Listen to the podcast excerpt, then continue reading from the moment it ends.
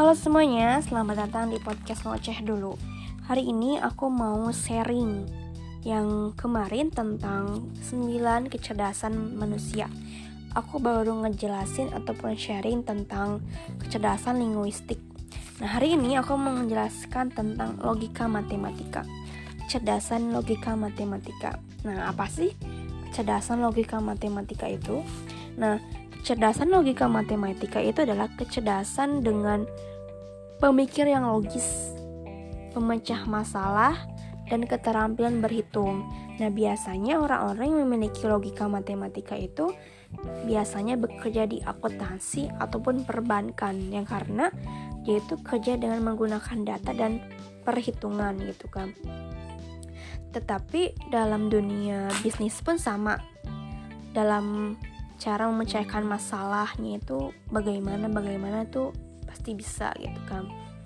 Terus ada kecerdasan kinestetik.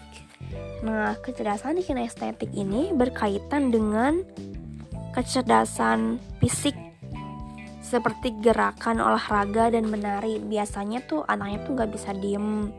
Anaknya tuh aktif banget dan dalam olahraga pun pasti bagus lah gitu kan. Karena kan kecerdasan kinestetik itu biasanya orang-orang yang uh, ruang lingkupnya itu olahraga gitu kan.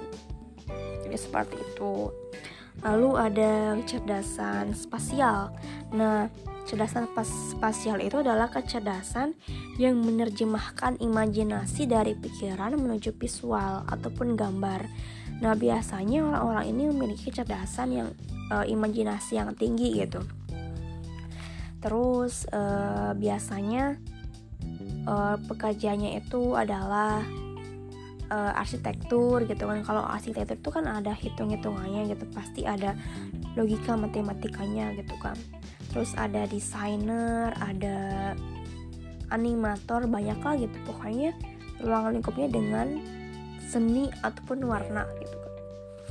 Terus ada kecerdasan musikal Nah, biasanya kecerdasan musikal itu adalah kecerdasan yang peka terhadap nada, ritme, dan termasuk bernyanyi gitu kan. Biasanya kan kita e, melihatnya di TV gitu orang-orang yang suka nyanyi itu pasti biasanya memiliki kecerdasan musikal.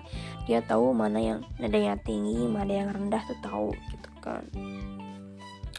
Terus mungkin satu lagi ada kecerdasan naturalis. Nah kecerdasan naturalis ini adalah mengenali alam dan peduli sesama manusia. Biasanya kita tuh jumpai dengan orang-orang yang suka dengan alam, suka hiking gitu ke gunung-gunung gitu. Biasanya tuh dia tuh memiliki kecerdasan naturalis karena mungkin ketika dia berada di dalam alam dia tuh kayak menemukan sebuah ketenangan hidup ataupun yang merasa rileks gitu kan setelah pekerjaan yang ia alami ataupun dilakukan secara berkali-kali dalam sebulan ataupun seharian itu. Jadi untuk menghilangkan stresnya itu dia tuh menuju ke alam gitu kan. Terus biasanya juga dia itu uh, suka terhadap uh, apa ya hewan gitu. Kepada hewan ataupun kepada tumbuhan. Pokoknya peduli sama manusia seperti itu.